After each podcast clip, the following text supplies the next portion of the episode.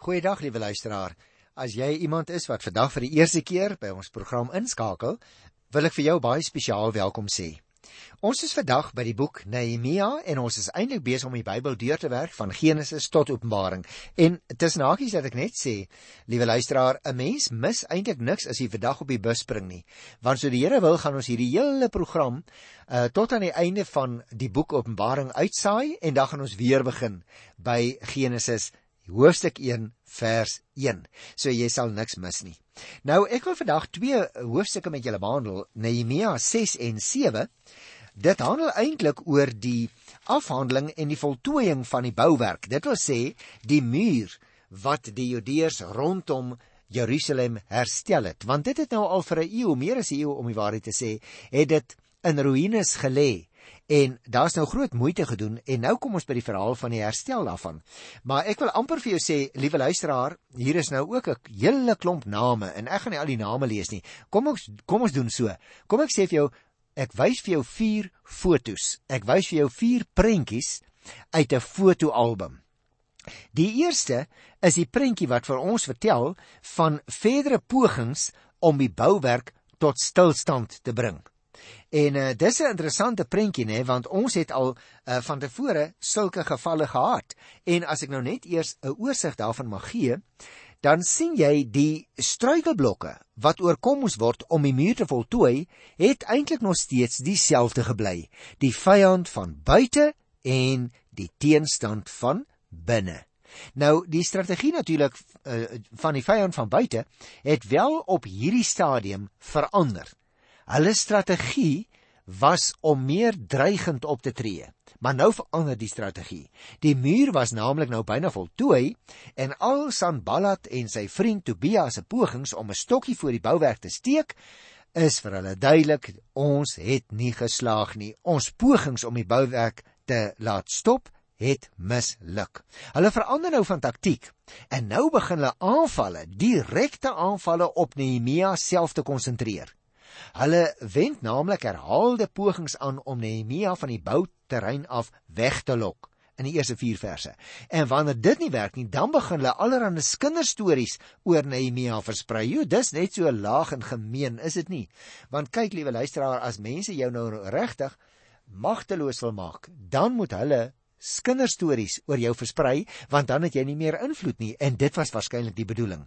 Nou byvoorbeeld ook hier in 'n onverseelde brief wat oop is vir enige een om te lees. Kan jy jou voorstel beskuldig hulle Nehemia daarvan dat hy die stad versterk om in opstand te kan kom teen die Persiese koning. O, nou dis natuurlik 'n geweldige klag om oor iemand te versprei want dit wek natuurlik dadelik onrus by die Persiese koning as die berig hom sou bereik. Nou hierdie gerug dat Nehemia profete aangestel het om homself tot koning te uitroep, berus moontlik op soortgelyke profetiese uitsprake. So jy sien hier kom nou hier kom nou 'n nuwe strategie van van die vyand en dit is 'n baie moeilike een om te hanteer. Kom ek lees eers net van hierdie eerste prentjie wat handel dan oor hierdie uh, pogings om die bouwerk weer 'n keer tot stilstand te bring. Kom ek lees eers net die eerste 4 verse. Sanballat, Tobia, die Arabier Gesem en die res van ons vyande het berig gekry dat ek die muur klaar gebou het en dat dit nêrens meer vervalle was nie. In die stadium was die poortdeure egter nog nie gehang nie. Sanballat en Gesem het toe laat weet: "Kan ons mekaar in Keferim in die Onolaagte ontmoet?" Hulle plan was om my by te kom. Ek stuur toe boodskappers na hulle en sê ek is besig met groot werk. Ek kan nie nou kom nie. Hoekom moet die werk stil staan terwyl ek dit laat lê om na julle toe te kom? Hulle het dieselfde boodskap 4 keer gestuur. En elke keer het ek dieselfde antwoord teruggestuur. Nou luisteraar, hier is ons nou eintlik maar net terug by die bouwerk aan die muur. Toe die berig dat die muur feitelik voltooi was, nou vir Sanballat en sy trawante bereik, het hulle die volgende planne werking gestel. Hulle wou Nehemia bykom. Dit wil sê, hulle wou hom kwaad aandoen. Hulle wou hom selfs om die lewe bring as dit nodig is. En daarom stel hulle nou voor dat Nehemia na hulle toe uit te kom, daar na die Onolaagte toe. Dit is 'n uh, eh, sou ek sê so ongeveer 50 km wes van Jerusalem.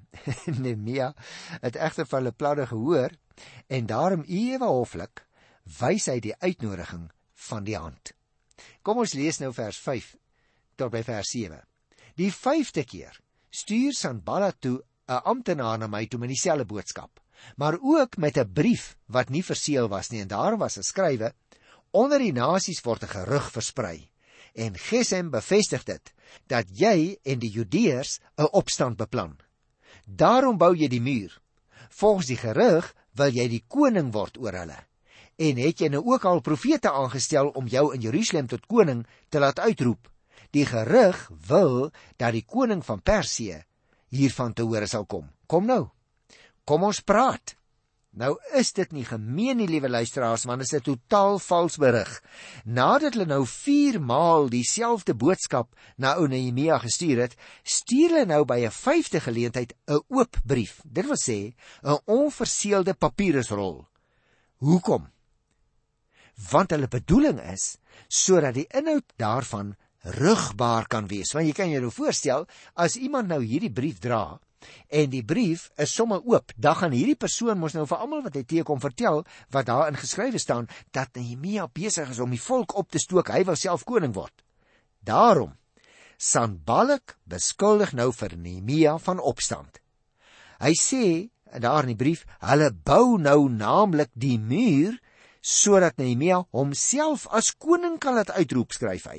En vir die doel het hy reeds profete aangestel wat natuurlik ook onwaar was. Indien die koning hiervan te hore kom, is dit natuurlik klaar praat met arme Nehemia en daarom stel Sanballat nou voor dat hy en Nehemia besla beraadslaag om die gerug die nek in te slaan. nou Nehemia is heeltemal so dom nie. Luister vers 8 en vers 9. Ek het toe terug laat weet. Niks van wat jy sê is waar nie jy suig dit uit jou duim. Hulle het almal geprobeer om ons die skrik op die lyf te jaag met die gedagte. Hulle sal die werk laat staan en dan sal dit nooit klaarkom nie. Sterk tog my hande, o God. Jy sien, luisteraar, Nehemia se antwoord is baie kort en saaklik. Hy is nie 'n verraaier nie, maar 'n amptenaar van die koning. Die brief is 'n versinsel. Sanballat wil natuurlik net die volk bang maak sodat die werk nie voltooi kan word nie. En weer eens bid Nehemia dat God hom tog nie moedeloos moet laat raak nie. Want kan jy nou voorstel as Nehemia moet moed verloor, waar gaan die hele saak uiteindelik eindig? Die werk sal nooit voltooi word nie. Nou vers 10 tot by vers 14 as jy dit sou lees, dan kan jy nou uh, daar baie interessante gegevens kry. Ek gaan vir jou so 'n bietjie die storie vertel. Want jy sien, toe al hierdie taktiek van Sabalat nou nie werk nie, het hulle Nehemia van binne af probeer ondergrawe. Hulle koop toe 'n man met die naam van Semaja daar in Jerusalem om om Nehemia deur sogenaamde profetiese uitspraak bang te maak en te ooreed om in die tempel te gaan weggryp. Dit sou die bouwerk definitief tot stilstand bring en Nehemia se geloofwaardigheid by sy eie mense sterk onder verdenking. Wel, so het hulle gedink. Hulle probeer dus eintlik vir Nehemia intimideer deur middel van Tobias se familie wat juis in Jerusalem woon. Hulle laat hierdie familie op Nehemia spioneer en homself probeer ompraat om na Tobia te luister en met die werk aan die muur op te hou. Maar hierdie mense was eintlik niks anders nie as verraaiers. Luisteraars, hulle was vals profete, want hulle is gehuur om Nehemia in onguns by die volk te bring. En daarom die man se naam wat ons hier kry, Semaja, ons moet onthou hy was 'n profeet wat homself in sy huis toegesluit het, vertel die verse vir ons. Dit wil sê, Hy laat weet die mense van wat jy en ek nou waarskynlik sou noem 'n profetiese openbaring wat hy sou gehad het. En sy boodskap en hakies het hy nou deurgegee. En nou stel hy voor dat hy en Nehemia mekaar in die tempel ontmoet en dat hulle die deure sluit. Kan jy jou voorstel dat dit so gemeen is? Aangesien Nehemia nie 'n priester was nie, moet ons nou onthou. Onthou Nehemia was nie 'n priester nie sou hy met so 'n optrede natuurlik 'n rituele oortreding begaan en hom by die volk baie onge ongewild maak. Hierdie ou is so geslepe. Hy bied homself aan as 'n profeet. En nou nooi hy ewe skyn heilig en vroom vir Nehemia om hom in die tempel te ontmoet. Jy's daar waar geoffer word, wetende Nehemia wat nie eers 'n priester is nie, wat nog te sê 'n profeet, hy mag dit nie doen nie. Nou dit is die eerste toneel. Dis verdere pogings om die bouwerk te staak, dit getuig van oneerlikheid, dit getuig van 'n sluheid om Nehemia tog maar net om die lewe te kan bring as dit moontlik is. Ek het vir jou gesê daar's 4 prentjies. Kom ons kyk na die tweede prentjie. Wat nou eers het ons gekyk na die pogings om die bouwerk te staak. Die tweede prentjie gee nou vir ons 'n foto van die voltooiing van die muur. En kom ek vertel vir jou waaroor dit gaan en dan kan ons bietjie na die detail van die teksgedeelte kyk. Nehemia het hom gelukkig nie van stryk laat bring nie en hy het die herstelwerk aan die muur in 'n rekordtyd voltooi. Hy het nie sy waaksaamheid vir 'n oomblik verslag nie hoor, maar selfs nog verdere maatreëls getref om Jerusalem te beveilig. Byvoorbeeld, omdat die opbou van die muur 'n opdrag van die Here was en met sy hulp voltooi is ook, stel Nehemia tempelamptenare aan om by die poorte van die stad wag te hou. Ook die beveiliging van die stad het hy met God, met die geloof in die Here en met mense van die tempel gedoen en daardeur het hy die Here gedien. Met ander woorde, hy het dit nie alles uit eie besluit en insig gedoen nie. Hy het die Here voortdurend geraadpleeg. Kom ek lees vers 15 en 16 vir hierdie uh, prentjie van die voltooide muur. Die muur is voltooi op die 25ste van die maand binne 52 dae. Toe al ons vyande dit hoor en na die nasies rondom dit ook sien, was hulle selfversekerheid heeltemal daarmee heen hulle toe geweet ons doen hierdie werk met die hulp van ons God. En luisteraar, dit is presies waarna Nehemia gesoek het. Hy wou die eer aan die Here gee en daarom het hy reg by die begin dit al baie bekend gemaak. Ons doen hierdie werk in die naam van en in afhanklikheid van die Here. Dit beteken dus 6 maande nadat Nehemia sy versoek aan die koning gerig het, is die muur voltooi. Ek het vir jou gesê ons kan hierdie goed baie presies dateer. En vandag weet ons dit was op 2 Oktober in die jaar 445. Met ander woorde binne die bestek van 52 dae. Nou natuurlik luisteraar, dis 'n baie kort tydjie om 'n hele stadsmuur te bou. En ons moet dus aanvaar dat die muur nie oral van die grond af opgebou is nie en dat daar basiese stukkies was van die muur wat bly staan het na die verwoesting en wat dus nou in 'n sekere sin net herstel is, net weer opgebou is, maar dus nie van die oorspronklike fondament af nie. Luister na vers 17 tot 19. In daardie selfde tyd het daar baie briewe van vooraanstaande Judeese burgers na Tobia toe gegaan en briewe van hom af na hulle toe gekom. Baie Judeërs het nou bande met hom gehad, want hy was die skoonseun van Sekanja, die seun van Arag, en sy seun Johanan was getroud met 'n dogter van die seun van Berekia.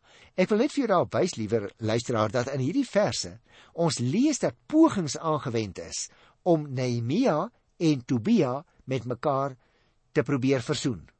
En nou word gesê dat hulle eintlik ver langs met mekaar familie was, maar in weerwil van Esra se maatreëls het gemengde huwelike ongelukkig nog steeds voorgekom.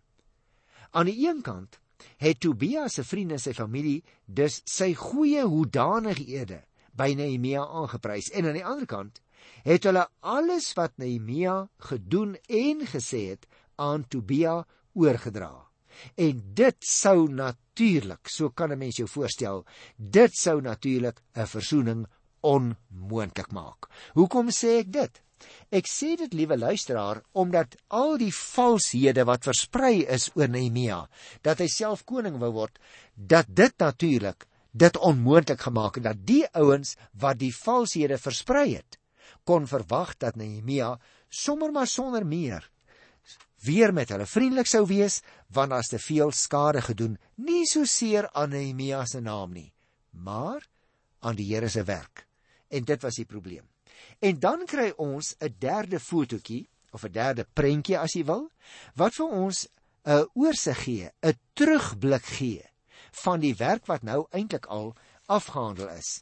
Nou luisteraars, ek wil dus as ons by hierdie gedeelte kom vir jou sê, dis eintlik 'n lang gedeelte hier in die boek Nehemia, die 7de hoofstuk van vers 4 af tot by vers 72. En as jy dit lees in die Bybel sal jy sien, daar word 'n hele klomp name genoem en ek gaan dus nie al die name met jou behandel nie. Toe ek destyds die indeling van die boek behandel het, het ek vir jou gesê ons kan die boekie Nehemia in 3 afdelings indeel. Daar was die eerste afdeling wat gehandel het oor Nehemia se terugkeer na Jerusalem en dit het nou gestrek van hoofstuk 1 vers 1 tot aan die einde van hoofstuk 7 vers 3. Met ander woorde, ons is nou eers klaar met die eerste gedeelte van die boek. En hierdie stukkie wat ek nou vandag nog gaan behandel, vorm eintlik die hele tweede gedeelte. Want uh, die terugblik in Hosea 7 vers 4 tot 72 is dan die tweede gedeelte. En ek wil dit met jou behandel. Maar nou sal jy ook onthou ek het vir jou gesê ons kyk na vier fotos. So die laaste twee kry ons nou. Kom ek praat oor die derde fotootjie wat dan vir ons vertel van die mense wat uh, saam met Siribabel teruggekom het. Dit is dus 'n lang oorsig van vers 4 tot by vers 69. Nou luisteraars, ek gaan natuurlik nie al die name met jou bespreek nie, maar kom ons lees so 'n stukkie daarvan hier van vers 4 af. Die stad was uitgestrek en groot, met min mense daarin, en daar was nog nie genoegsaam huise gebou nie. My God het my die besluit laat neem om die vooraanstaande burgers, die amptenare en die ander mense te laat bymekaar kom vir opname in die familieregister. Ek het die register van die wat eerste teruggeneem is in die hande gekry en daar in die volgende opgeskryf gevind. En nou as jy in die Bybel kyk, sê jy sien hier is nou ek wil amper vir jou sê honderde name. En daarom gaan ek dit nie almal lees nie. Dit is dus eintlik hierdie derde fotootjie wat vir ons gewys word, is dus eintlik soos een groot familieportret hoor. Hier is gesigte en gesigte. Nou die naamlys stem in 'n groot mate ooreen luisteraars met die ene wat 'n mens ook kry in Esra, die boekie Esra by die tweede hoofstuk. Jy onthou toe ek ook nie al die name gelees nie. Maar die herhaling van hierdie besonderhede het 'n bepaalde oogmerk. Die doel daarmee is om alles wat sedert die tyd van Siribabel gebeur het tot by die tyd van Nehemia om daardie hele geskiedenis saam te voeg. Jy sien byvoorbeeld die herstel en die inwyding van die tempel, die suiwering van die gemeenskap onder die leiding van Esdra, die herbou van die muur van Jerusalem onder leiding van Nehemia wat nou afhandel is. Alles behoort eintlik by mekaar as die een opvolgende fase, die een na die ander. En die mense wat daarbey betrokke was, se gesigte verskyn nou op hierdie foto. Nou ja, dit sou interessant gewees het as 'n mens natuurlik nou 'n kamera gehad het in daardie tyd en regtig so 'n kamera uh foto gehad het waarna jy en ek nou vandag kon kyk. Maar nou ja, dit het nie in daardie tyd bestaan nie, daarom het ons nou net hulle name hier. En is bietjie saai om al die name te lees, maar wat belangrik is is miskien ook nog dit. Met hierdie register, liewe luisteraar, eindig ook die eerste persoonsvertelling van Nehemia in sy boek. Baie interessant. Met ander woorde, In die gedeelte wat ons nou hierna gaan behandel, word in die derde persoon vertel. Met ander woorde, daar word gepraat van hy en hom. Nou dis baie belangrik. Hoekom? Want dit leer vir ons Nehemia het nie self die volgende gedeelte tot aan die einde van die boek Nehemia geskryf het nie. Die register kyk dus terug en dit kyk vorentoe in die lewe van die gemeente van Jerusalem. Nou is dit natuurlik so. In die kerk kan ons altyd met dankbaarheid terugkyk na hulle wat ons vooraf gegaan het in gemeente. Hulle dienswerk het ook vir jou en vir my die weg gebaan om te staan waar ons as gemeente byvoorbeeld vandag staan. Uit die ou mense voor ons se ervaring en hulle foute kan ons ook die nodige wysheid put om in ons tyd op 'n eie manier kerk van die Here te wees in die wêreld. En dit bring my dan, liewe luisteraar, by die laaste klompie verse wat dan ons laaste foto vorm. Jy sal onthou as ek dit nou net vir jou mag opsom. Die vier fotos wat ons gesien het hier in vandag se program, die eerste ene was die pogings om die bouwerk tot stilstand te bring. Die tweede foto, daarvan 6 vers 15 af, het gehandel oor die voltooiing van die muur. Toe het ek nou met jou gepraat oor die familiefoto waarna ons kan kyk en kan sê dit was al die mense wat eh, deel gehad het aan hierdie stuk geskiedenis. En dan die laaste kort stukkie. Dit staan hier in Nehemia 7 van vers 70 tot 72. Kom ek lees dit eers, want die opskrif daarvan is die bydraes vir die bou van die tempel. Party familielede het bydraes gegee vir die werk. Die goewerneur het vir die fonds 8.5 kg goud, 50 komme en 5030 stelle priesterklere gegee. Van die familiehoofde het vir die werkfonds 168 kg goud en 1 en 'n kwart ton silwer bygedra. Die res van die mense het 168 kg goud, meer as 'n ton silwer en 67 stelle priesterklere gegee. Nou dis baie interessant dat ons hierdie kort opsomming hier kry, né? Want die gedeelte stem ooreen met die boek Esra, die tweede hoofstuk, vers 68 en 69. Maar dit bevat 'n interessante byvoeging, naamlik die van die goewerneur. Dit wil sê koning Serebabel, soos hy soms genoem is. Nou dit bring ons dan aan die einde van hierdie vier fotos in die 7de hoofstuk van die boek Nehemia. En ek dink daar is iets wat ons tog weer 'n keer vir mekaar moet onderstreep voordat ek afsluit, liewe luisteraar. Jy sien, wanneer 'n groep ballinge terugkeer uit die vreemde, word dit altyd voorgestel as 'n tweede Eksodus. Hulle trek dan op na Juda toe, soos byvoorbeeld Israel uit Egipte ook destyds opgetrek het na die land wat die Here aan hulle beloof en gegee het. En dan vier hulle gewoonlik die Paasfees en die Hittefees wanneer hulle terug is in Jerusalem. Hulle beskou dit naamlik as 'n bevryding wat die Here aan hulle geskenk het. Maar ons moenie vergeet nie, daar was baie teestand in hierdie geval toe hulle hier aangekom het in Juda. Dit was voortdurend hierdie soort teenstand teen die werk van die Judeërs. Hulle vyande het die werk aan die tempel en in hierdie geval die werk aan die herbou van die mure wat nog altyd in ruïnes omgelê het op verskillende maniere in die wiele probeer ry. Hulle het byvoorbeeld die Judeërs probeer bang maak, selfs daarin geslaag om die bouwerk van tyd tot tyd tot stilstand te bring, maar danksy die beskerming van die Here en danksy die duidelike leiding en diplomatie van Nehemia kon die bouwerk aan die mure in 'n rekordtyd afgehandel word. En daarom moet jy en ek ook onthou, liewe luisteraar, die werk van die Here sal altyd vyande hê, ook in ons tyd. Is daar mense wat die werk van die Here in die wiele ry, mense wat dit teenstaan, mense wat baie goeie argumente het waarom sekere dinge nie gedoen word nie, behoort gedoen te word nie, spesifiek as daar 'n bouery, 'n fisiese bouery in 'n gemeente aan die gang is. Dan moet jy in baie groot nederigheid voor die Here in ootmoed kniel. Moet jy vra vir duidelike leiding, wat is vir die gemeente en dus vir die koninkryk van die Here van belang op die lange duur. Moenie op die kort termyn kyk nie, want dan verloor jy perspektief as mense so baie teenstand bied. Kom ons droom oor die werk van die Here, ook in ons persoonlike lewe, en dan doen ons dit wat ons glo wat op die lang termyn vir die werk van die Here van belang is.